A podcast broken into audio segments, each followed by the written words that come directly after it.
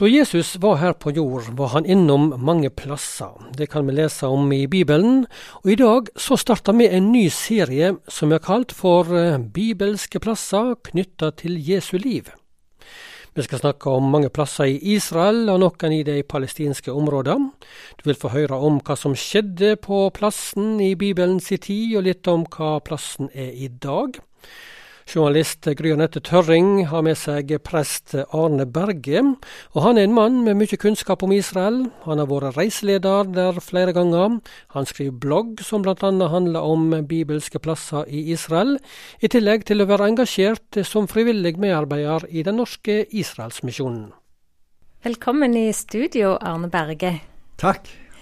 Nå skulle vi egentlig vært i Israel og de palestinske områdene og gjort disse opptakene, men eh, koronasituasjonen den ville det jo annerledes.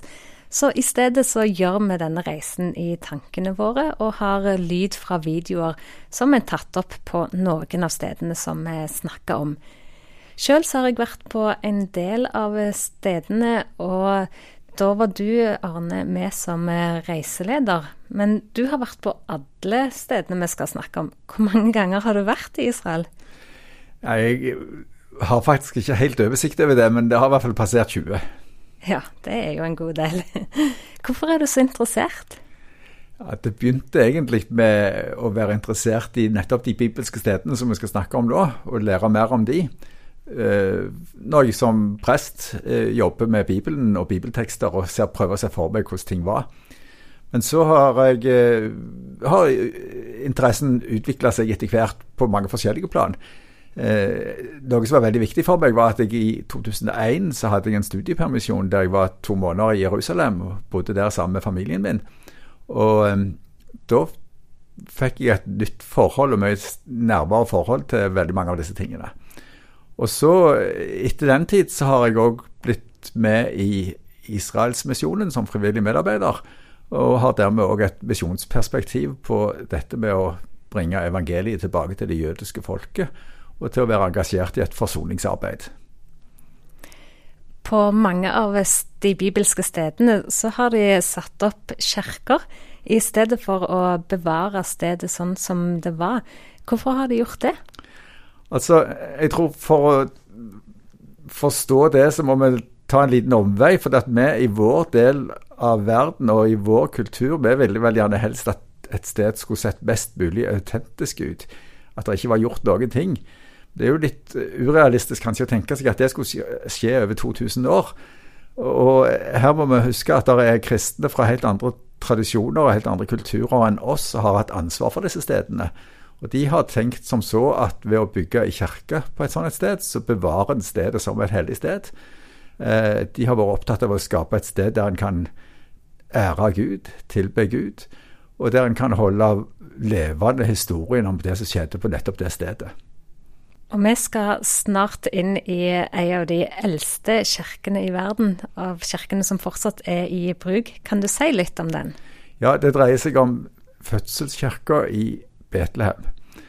Eh, og den, eh, altså På Jesu tid var jo Betlehem ei lita jødisk landsby. Eh, nå er det en palestinsk by inne på Vestbredden. Eh, og I sentrum av denne byen så ligger da denne kirka, som egentlig ikke ser ut som ei kirke. Det er ei svær murbygning, nokså uformelig. Eh, og Det betyr, eller det er pga. at kirka er bygd inn mellom tre forskjellige klostre fra forskjellige trossamfunn. Eh, et katolsk, et gresk-ortodoks, et armensk. Og eh, det ser ut nesten som ei borg, vil jeg sagt. Men så er det da ei lita åpning, så når du går inn den, så kommer du inn i det som du uten tvil er i kirka. Ja, Det sa prest Arne Berge, og vi skal snart ta turen til der det skjedde, altså det vi feira i jula. Vi skal inn i selve fødselskirka i Betlehem. Kyrkja er satt opp eh, på plassen en tror Jesus ble født. Vi ser gjerne for oss at eh, Jesus ble født i en stall, men det kan ha vært i ei grotte i forbindelse med huset. Bygningene der Jesus ble født er ikke tatt vare på, i stedet står altså fødselskirka der. Prest eh, Arne Berge og reporter Gry Anette Tørring har for ei tid tilbake vært i fødselskirka på en tur der Berge var reiseleder. Og her tenker Arne Berge tilbake til hvordan det var å være i denne kirka. Ja, Når jeg lukker øynene og tenker på det, så tenker jeg jo for det første at det er jo helt eh, fantastisk flott å få reise til Jesu fødested og få oppleve det.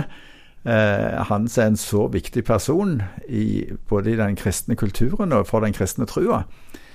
Eh, så ser jeg for meg dette kirkerommet, eh, som er et ganske stort og fint gammelt rom med søyler og med høyt under taket og med mosaikk på veggene. Og så ser jeg for meg masse lys framme rundt alteret, og en trapp der på den ene sida, ned til et rom som er under dette alteret. og Det er det vi kaller fødselsgrotta. Og Det er nok det som er det viktigste stedet for meg i den kirka. Når jeg kom inn i kirka, så er noe av det første som jeg gjerne legger merke til, lukta av røkelse, og at det er veldig svært høyt under taket. Og så er det eh, noen menn som eh, ser ganske strenge ut, og en skjønner fort at her skal jeg være ganske rolig og forsiktig når jeg går. Eh, og så står vi i kø for å gå ned til kjelleren, til grotta der som Jesus ble født. Og da kjenner jeg at jeg er spent. Jeg kjenner på en ærefrykt. Og så lurer jeg på hvordan ser det ut når en kommer inn der. Der er fødselen til Jesus. Og jeg kommer inn i et eh, lågt, eh, avlangt rom, og der er bilder på veggene. Eh, og fremst i rommet så ser det nesten ut som en peis i marmor. Den er fint dekorert med rødt og burgunderstoff med gulldetaljer. Og inni så er det ei sølvstjerne med hull i midten som markerer stedet der Jesus ble født. Og der ser jeg at, at folk kneler og legger ei hånd på denne sølvstjerna. Eh, det syns jeg var godt observert. Eh, og eh, det som er spesielt med denne stjerna som du snakker om i sølv, som er felt ned i gulvet, det er at der er det òg gravert inn i den, på latin, her ble Jesus Kristus født av jomfru Maria. Og så har du, Arne, eh, en sang som du helst vil synge hver gang du er nede i denne grotta. Eh, hva sang er det? Det er julesangen 'Mitt hjerte alltid vanker'. Eh, og spesielt første verset der knytter jeg veldig sterkt for min egen del til dette rommet. Eh, Jesu føderom og eh, der står noen fine ord der om at der er min lengsel hjemme, der har min tro sin skatt. Jeg kan deg aldri glemme, velsignet julenatt.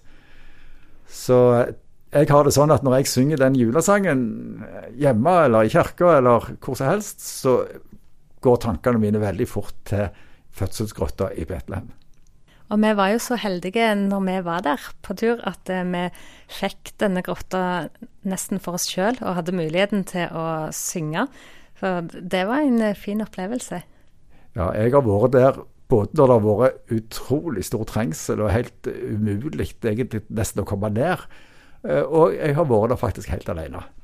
Så eh, her er det mange muligheter, men, men eh, jeg husker òg det at vi sang og, og, og, hadde det veldig fint ved å gjøre nettopp det.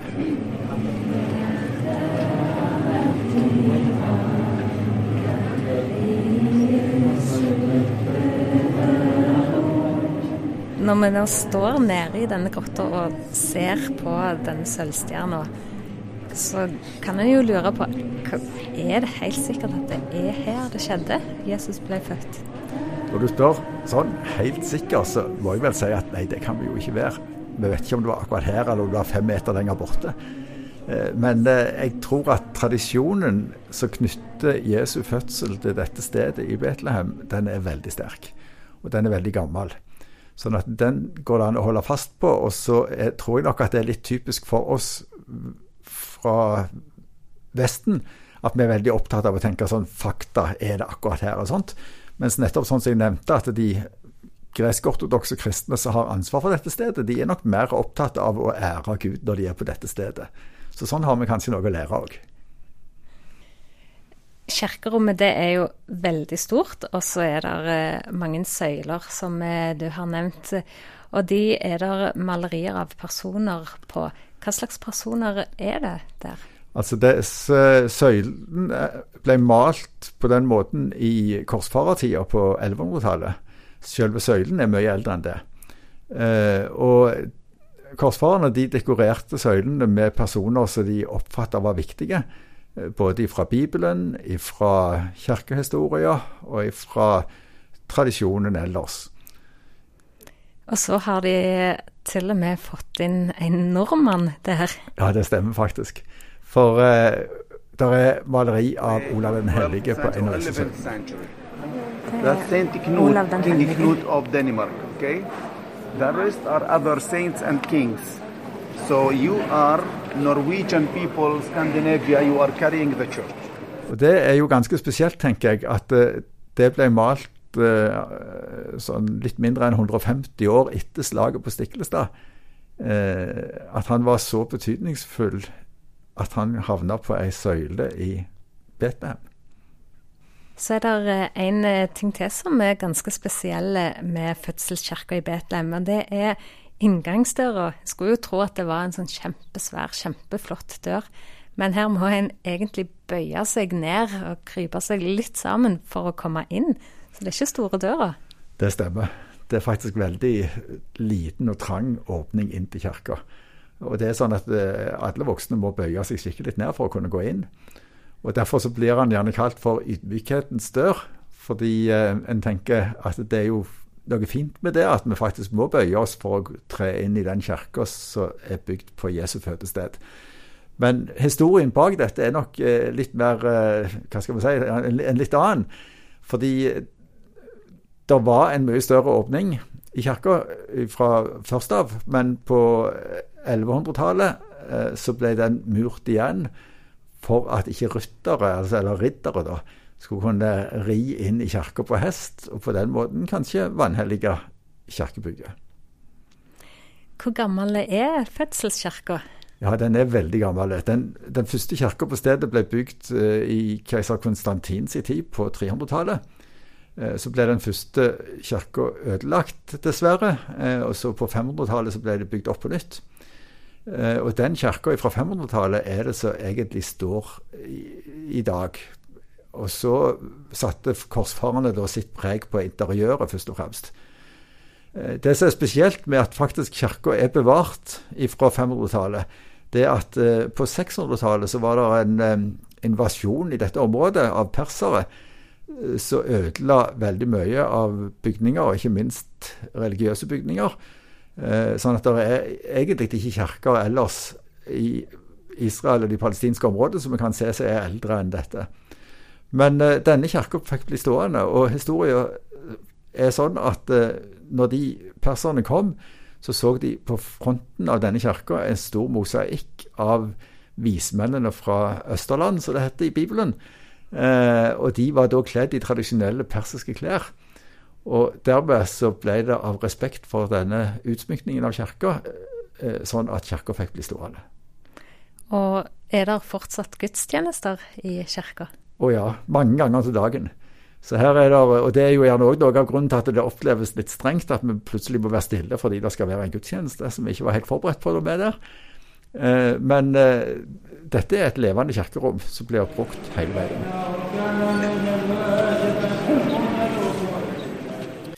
Ja, Det var lyd fra fødselskirka i Betlehem, det. Og du møtte prest og reiseleder i Israel, Arne Berge, som ble intervjua av Gry Anette Tørring.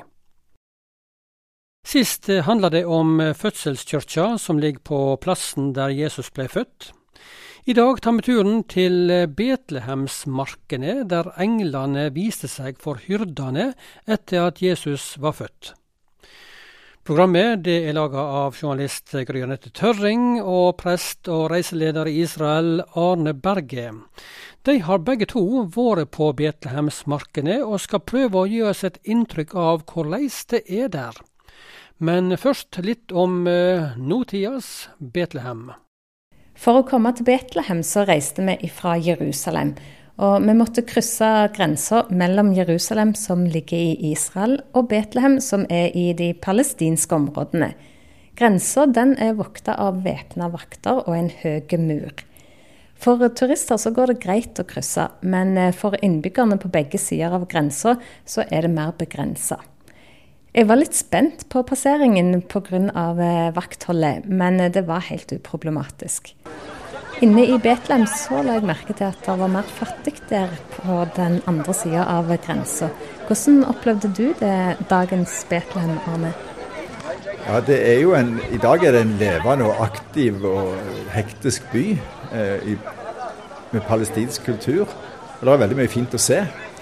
Eh, og eh, folk der er positive til å få besøk av utlendinger som prioriterer å reise til Betlehem, og ikke bare til Israel. Eh, sånn at I utgangspunktet så er det en god stemning og, positivt eh, knytta til det at vi kommer der. Eh, og så er det selvfølgelig også, som du sier, det, er et helt annet samfunn, og det er mye fattigere. Det er veldig preget av konflikten og av krigs, krigsperioder. Og eh, det er mange tiggere, mer tiggere enn det er inne i Jerusalem. Eh, sånn at det, på en måte en opplever jo egentlig litt det jeg hadde som sånn påfallende òg, da. At det, at det, er en annen stemning sånn sett. Men jeg syns det er helt fint å være der, og trygt og godt å være der. For å komme til Hørdemarkene, så må vi litt ut av eh, sentrum i Betlehem. Vi kjørte ned noen trange gater for å komme der. Og hvordan ser det ut der? Ja, I dag er det jo vokst sammen til en stor by, men egentlig det området der som jeg omtaler som hyrdemarkene her, det er en, noe som var en egen liten by tidligere, som heter Beit Sahur, som nå er vokst sammen med Stor Betlehem, kan vi si. Uh, og der, uh, I den Beit Sahur-delen så holder de veldig ved like tradisjonen om dette med at det var der gjeterne var. Og det var det gamle beitemarkene for Betlehem som var i det området der.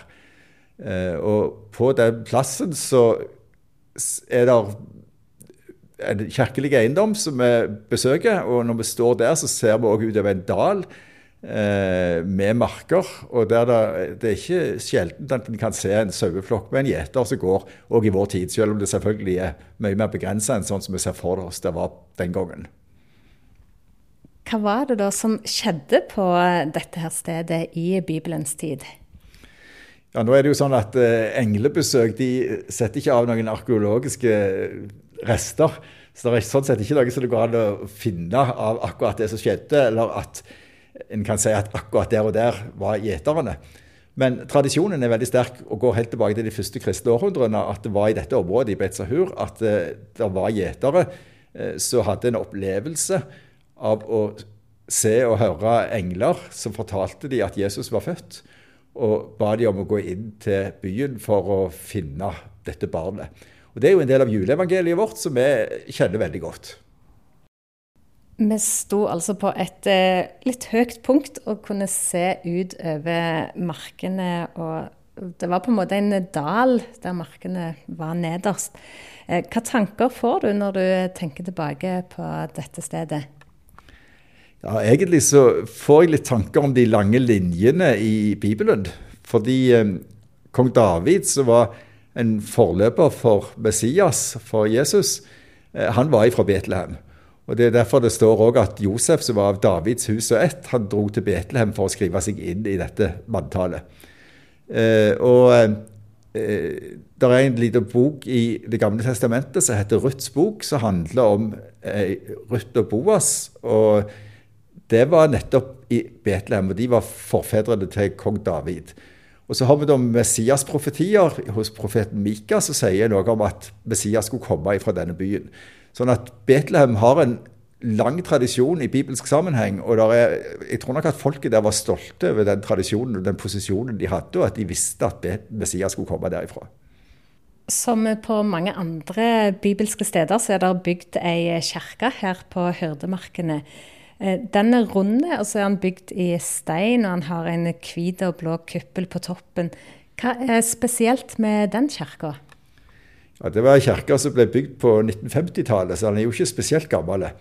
Eh, Designa av en italiensk arkitekt som heter Antonio Barluzzi, som har lagd kirker flere av de bibelske stedene og har satt sitt tydelige spor i Israel og de palestinske områdene rent arkitektonisk. Veldig flotte ting han har skapt. Og denne, dette kapellet på Hurdemarkedet det er forma som et telt. Og jeg pleier å kalle det for englekapellet. Eh, men det kunne sikkert òg vært kalt for teltkirka eller teltkapellet. Når vi kommer inn i det, så er det egentlig to ting jeg tenker på. Og Det ene er at eh, det er noen flotte veggmalerier, det vi kaller fresker. Altså malerier som er malt rett på murveggen som viser tre scener fra juleevangeliet. Først når englene viste seg for gjeterne. Så når gjeterne fant Jesusbarnet. Og så når gjeterne jublende var på vei tilbake igjen til gjeteroppgaven sin. Det andre som jeg tenker på med dette kapellet, er at det er en fantastisk fin akustikk. Sånn at det å gå inn der og synge, det er en veldig god opplevelse.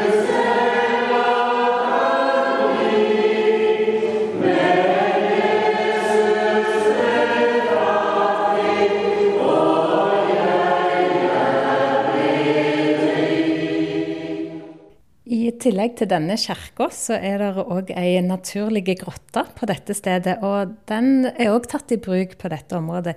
Hvordan eh, bruker de den? Ja, De bruker den som kapell og samlingssteder for grupper som kommer dertil. Eh, sånn at det er på en måte naturlige grotter som er blitt innreda litt hogd ut i stein og videre. Så det er både alter og sitteplasser inni der. So this is the spot where the good news first. Så her er den uh, plassen eh, der eh, den gode nyheten først kom. Dette er stort. Her ble ordet menneske, står det i Johannes. Og vi skal lese fra Lukas 2. Og jeg ser for meg at sånn historisk sett, hvis disse har godt har noe med juleevangeliet å gjøre, så kan vi si at at gjeterne hadde sauene sine inni der om natta når de passet på dem, og kanskje satt med bålet utfor grotteåpningen. Det som er veldig spesielt med dette stedet på Hurdemarken, er jo uttrykket 'ære være Gud i det høyeste', eh, som er et veldig kjent begrep fra nettopp englesangen som det står om i juleevangeliet. Ære være Gud i det høyeste og fred på jorden blant mennesker Gud har glede i. Og på latin er dette 'Gloria in excelsis deo'. Og eh, dette er jo en sang, en tekst, som har blitt tatt vare på i den kristne kulturen, både i musikkverk opp gjennom århundrene, men òg i liturgi i gudstjenestene. Sånn at hver søndag òg her i Norge så synges det i alle kirker nettopp englesangen fra Betlehem når vi synger 'Ære være Gud i det høyeste og fred på jorden'.